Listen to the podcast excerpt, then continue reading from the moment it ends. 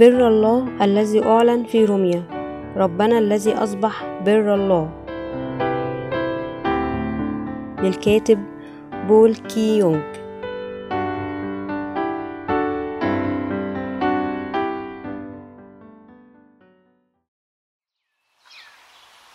الإصحاح السابع. مقدمة لإصحاح السابع.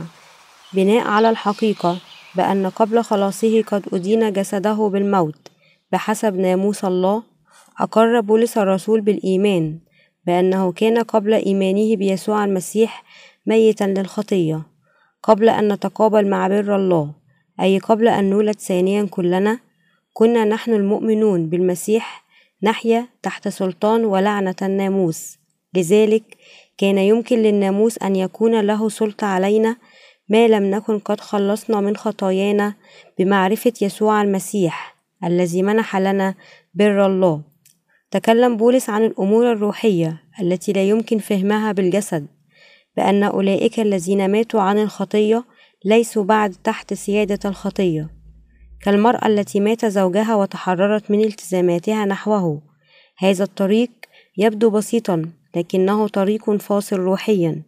هذا يعني أن هؤلاء الذين لم يحصلوا على بر الله فسواء أحبوا ذلك أم لا؟ سيكون مصيرهم الحياة تحت لعنة ناموس الله لأنهم لم يحلوا بعد مشكلة خطاياهم.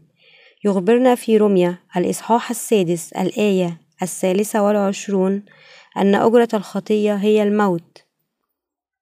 أي أن الخطية ستختفي فقط عندما تدفع أجرتها. إذا آمن شخص بيسوع لكنه لم يعرف بعد بر الله المعطى بيسوع. فإنه لا يزال يعيش في الخطية ويجب أن يدفع أجرة الخطية. لهذا يجب علينا أن نتقابل مع بر الله من خلال يسوع المسيح. بتقابلنا مع بر الله فقط. يمكننا أن نموت عن الخطايا ونتحرر من الناموس ونتزوج بعريسنا الجديد يسوع المسيح. يمكننا أن نجد بر الله من خلال يسوع المسيح لكن بدون الإيمان ببر الله. لا يمكن لأحد أن يتحرر من الناموس. الطريقة الوحيدة لكسر لعنة الناموس هي أن نعرف بر الله ونؤمن به. هل وجدت بر الله بيسوع؟ إذا لم تكن قد وجدته فقد حان الوقت لكي تتنازل عن برك الشخصي وتعود بتواضع إلى كلمة الله. الاتجاه نحو المسيح بعد أن كنا موتى بالخطية. أخبر بولس إخوته في روميا فإنكم بجسد المسيح الذي مات قد صرتم أمواتا بالنسبة للشريعة. يجب أن يكون نفهم بدقة ما المقصود بقد صرتم أمواتا بالنسبة للشريعة. لا يمكن لأحد أن يذهب إلى المسيح بدون أن يموت عن الخطية. بمن؟ خلال جسد المسيح. بعبارة أخرى فإن خطايانا يجب أن تموت مع جسد يسوع المسيح وهذا يمكن أن يحدث فقط عندما يؤمن الشخص بمعمودية يسوع على يد يوحنا وموته على الصليب. يمكننا أن نموت مع المسيح عن الخطية بإيماننا بمعمودية يسوع على يد يوحنا لأن يسوع مات بخط... بجميع خطايا البشر التي انتقلت لجسده بمعموديته من يوحنا. خطايانا أيضا قد ماتت معه حينما أمنا بذلك. الحقيقة هي أن كل خطايا العالم قد نقلت إلى يسوع بمعموديته من يوحنا. هذه الحقيقة لا يجب أن تعرف فقط بل تحفظ في قلوبنا بإيمان. يجب أن نحفظ هذا الإيمان حتى ندخل ملكوت الله. لهذا قال بولس أننا أصبحنا أمواتا للناموس بجسد المسيح. بذلك فكل من يؤمن بهذه الحقيقة يمكنه أن يذهب إلى يسوع المسيح ويحيا معه ويحمل ثمار بر الله.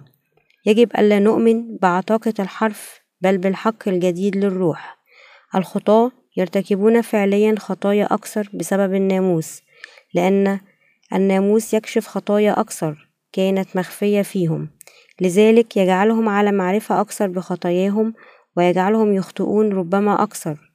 أحد وظائف الناموس هو أن يجعلنا نتعرف أكثر على خطايانا ولكنه يكشف لنا أكثر طبيعة الخطية ويجعلنا نرتكب خطايا أكثر. ولولا وجود الناموس الذي أعطانا إياه الله لما عرفنا كل الخطايا الخفية في داخلنا. لكن الله أعطانا ناموسه وناموسه لم يجعل الخطية خاطئة أكثر. بل جعلنا نرتكب المزيد والمزيد من الخطايا. لذلك قال بولس أنه بما أننا قد أصبحنا موتى للخطية بجسد يسوع فيجب أن نخدم السيد الرب بالإيمان ببر الله. إنه يخبرنا أننا يجب أن نخدم السيد الرب بمعونة الروح وعطية الفداء المعطاه لنا بإيمان عميق في داخل قلوبنا بدلا من أن نخدمه بالإيمان الحرفي حيث يخبرنا الكتاب المقدس أن الحرف يؤدي إلى الموت أما الروح فيعطي الحياة. يجب أن نتبع السيد الرب عن طريق إدراك المعنى الحقيقي لإنجيل الماء والروح الذي هو بر الله. عندما نؤمن بكلمة الله أي بعبارة أخرى يجب أن نعرف ونؤمن بالمعنى الحقيقي المخفي في الكلمة المكتوبة. إذا هل الناموس خطية؟ قطعا لا. شرح بولس ناموس الله وأكد على وظيفته. هذا يوضح أهمية الإيمان بفهم صحيح لوظيفة الناموس. نظر بولس من قبل إلى خطاياه بطريقته ولذلك لم يعرف خطيته. ولكن من خلال ناموس الله أصبح قادرا أن يدرك أن لديه قلب جشع في داخله. أتمنى أن يستطيع المؤمنون بيسوع اليوم أن يصلوا إلى نفس الفهم الذي وصل إليه بولس بخصوص الناموس. هناك كثير من الناس الذين لم يدركوا حقيقة الناموس يحاولون جاهدين أن يعيشوا حياتهم بحسب الناموس فيذهبون إلى الكنيسة ويعتقدون أنهم إذا حاولوا بأكثر اجتهاد فسيمكنهم أن يحفظوا كل الناموس. لكن الحقيقة أن هؤلاء الناس لم يتمكنوا فعليا من الوصول إلى بر الله على الإطلاق. إنهم لم يدركوا المعنى الكامل للناموس المعطى من الله ولذا أصبحوا مقيدين حرفيا بالناموس. إنهم مراؤون عميان غير قادرين على أن يروا حتى قلوبهم ولا يعرفون أنهم يقفون ضد بر الله في المجتمع المسيحي. هناك الكثير من هؤلاء في مسيحية اليوم. هؤلاء الذين بالحقيقة لا يعرفون بر الله وقبلوا يسوع كمخلصهم بإيمان مقيد بالناموس لن يعفوا من عقوبة الموت الأبدي. أقر بولس أنه من خلال وصايا الله أدرك جشع قلبه. عندما أدرك بولس خطاياه من خلال الوصايا كان لا يزال ناموسيا مفترضا به. حفظ ناموس الله.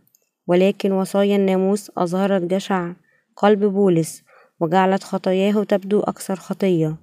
هذا جعل بولس يدرك أنه ليس سوى خاطئ أثيم هناك اثنا عشر نوعا من الخطايا في فكر الإنسان.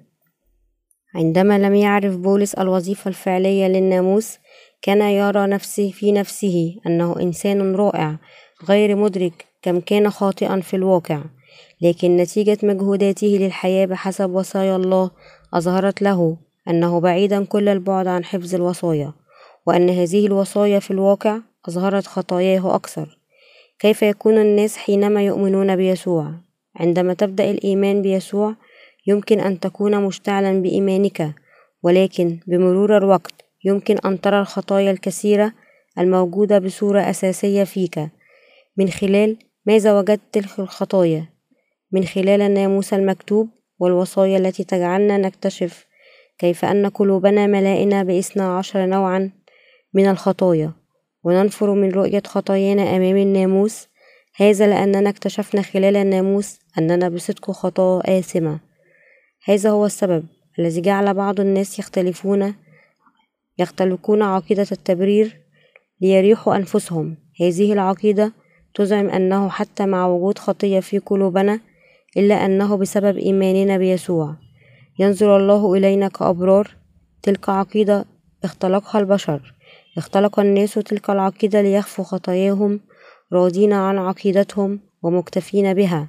لكن لأنهم لا يزالوا معلنين خطاة أمام الناموس فإن خطاياهم تثقل ضمائرهم أكثر وأكثر. ولكي نتحرر من جميع خطايانا فليس أمامنا أي اختيار سوى أن نؤمن بالإنجيل الذي به بر الله. هذه هي الطريقة الوحيدة لننجو من جميع خطايانا. مثلما فكر بولس في ماضيه أن الله أعطى الوصايا لكي تتبع. لذا اعتبر أنه من الطبيعي أن يحاول قصار جهده أن يحفظ الوصايا. لكن على العكس من ذلك فقد اكتشف أن تلك الوصايا في الواقع قد حكمت على روحه بالموت بسبب الخطية. أدرك بولس أخيرا أنه أخطأ في فهم حفظ وصايا الله والإيمان بها.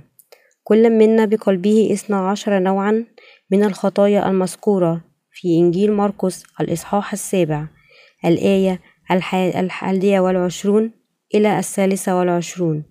فإنه من الداخل من قلوب الناس تنبع الأفكار الشريرة الفسق السرقة القتل الزنا الطمع الخبث الخداع العهارة العين الشريرة التجديف الكبرياء الحماقة. هذه الأمور الشريرة كلها تنبع من داخل الإنسان وتنجسه. أخيرا أدرك بولس وباقي الناس خطاياهم من خلال وصايا الله بالناموس. أدركوا خطاياهم وأنهم وأنهم حكم عليهم بالموت. حينئذ اكتشفوا بر الله من خلال يسوع المسيح وآمنوا به. كيف تفهم بر الله؟ هل لازلت تحاول أن تحفظ الوصايا؟ معتقدا أنك تستطيع ذلك. أعطانا الله وصايا لكي ندرك خطايانا ونعود إليه لينقذنا من الخطية أو بعبارة أخرى بالإيمان ببر الله. يجب أن نفهم بشكل صحيح الأسباب التي جعلت الله يعطينا الوصايا ونؤمن بها بصورة صحيحة عندما تؤمن بهذه الحقيقة. يمكنك أن تعرف كم هو ثمين إنجيل الماء والروح القدس. هؤلاء الذين يؤمنون بوصايا الله يمكنهم أن يدركوا كم عظيمة هي خطيتهم في عيني الله. أما هؤلاء الذين لا يعرفون دور الوصايا ولا يؤمنون ببر الله سيواجهون صعوبات بالغة في حياتهم المتدينة وستؤدي ذلك حتما إلى هلاكهم. هذا ببساطة لأنهم مستحيل أن يبقى الإنسان بعيدا عن الخطايا في عالم مليء بالخطايا. هذا هو السبب الذي يجعل بعض الناس يعزلون أنفسهم في جبال بعيدة محاولين الحياة بطريقة نسكية. إنهم يعتقدون بأن الحياة في الجبال العميقة والابتعاد عن خطايا العالم يمكنهم تجنب ارتكاب الخطايا ولكن هذا ليس صحيحا. يجب أن ندرك أنه على الرغم من أن كل شخص في هذا العالم يرتكب الخطية وبقلبه تسكن الخطية إلا أن الخلاص من كل تلك الخطايا نجده في المعرفة والإيمان ببر الله. حتى وإن حاولنا أن نتحاشى العالم لكي نهرب من خطاياه فسنظل غير قادرين على الهروب من خطايا قلوبنا هذا لأن خطايانا موجودة في قلوبنا. لكي نتخلص بالحقيقة من خطايانا يجب أن نؤمن بإنجيل الماء والروح. إن ناموس الله ووصاياه تجعل خطايانا تبدو خاطئة جدا. هؤلاء الذين يعرفون خطورة خطاياهم لابد أن يعرفوا ويؤمنوا ببر الله المعلن لنا في إنجيل الماء والروح.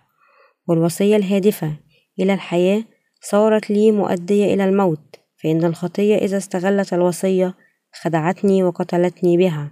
رمي الإصحاح السابع الآية العاشرة إلى الحادية عشر. يجب أن يكون لدينا الفهم الصحيح للناموس. هؤلاء الذين ليس لديهم الفهم الصحيح للناموس سوف يقضون حياتهم مقيدين الناموس محاولين الهروب من الناموس حتى يومهم الأخير. فقط الذين عرفوا الدور الحقيقي للناموس سيحبون بر الله الذي أتمه يسوع المسيح ويؤمنون. إذا هل تعرف بر الله هذا؟ قال بولس الرسول ذلك لأنه لم يكن قد ولد مجددا في الماضي. كان منتميا لجسده ومبيعا تحت الخطية. لقد اعترف أيضا بأنه بالرغم من رغبته أن يحيا بناموس الله إلا أن الحال انتهى به إلى فعل ما لا يريد أي ارتكاب الخطية. هذا لأنه لم يكن لديه الروح القدس في داخله حيث لم يكن يملك بر الله ثم اعترف بولس أن السبب الذي جعله يرتكب الخطية رغما عنه هو أن الخطية موجودة في قلبه حيث لم يكن بعد. قد وجد بر الله في ذلك الوقت. ومع ذلك فقد أدرك بولس ناموس واحد هو ناموس الخطية إدراجه الأساسي لحقيقة الإنسان الذي لديه الخطية في قلبه لا يستطيع تفادي عمل الخطية. أدرك أيضا أن الإنسان الداخلي يرغب دائما في أن يحيا طبقا لناموس الله لكن بولس اعترف أنه كما أن شجرة الخطية تحمل ثمر الخطية فإنه خاطي ولا يستطيع أن يحيا إلا كخاطي لأنه لم يكن قد نال الخلاص بعد من خطاياه حيث لم يكن قد قابل المسيح بعد. بمعنى آخر أن الحكم الصحيح عليه هو الموت بسبب خطاياه. لأجل ذلك فقد اعترف بأنه إنسان تعيس نائح من يحررني من جسد الموت هذا. رمي الإصحاح السابع الآية الرابعة والعشرون. هذا ما كان يتذكره بولس الرسول عندما كان خاطئا. يجب عليك أن تفكر في تطبيق اعتراف بولس عليك. ألا زلت سجينا في ذلك الجسد الذي للموت الذي لا يستطيع أن يحفظ الوصايا؟ يجب علينا أن نؤمن ببر الله في إنجيل الماء والروح المخبأ به بر الله. ويمكننا اقتناء بره بالإيمان بذلك الإنجيل. استطاع بولس أن يتحرر من تعاسته بالإيمان بمعمودية يسوع المسيح وموته على الصليب.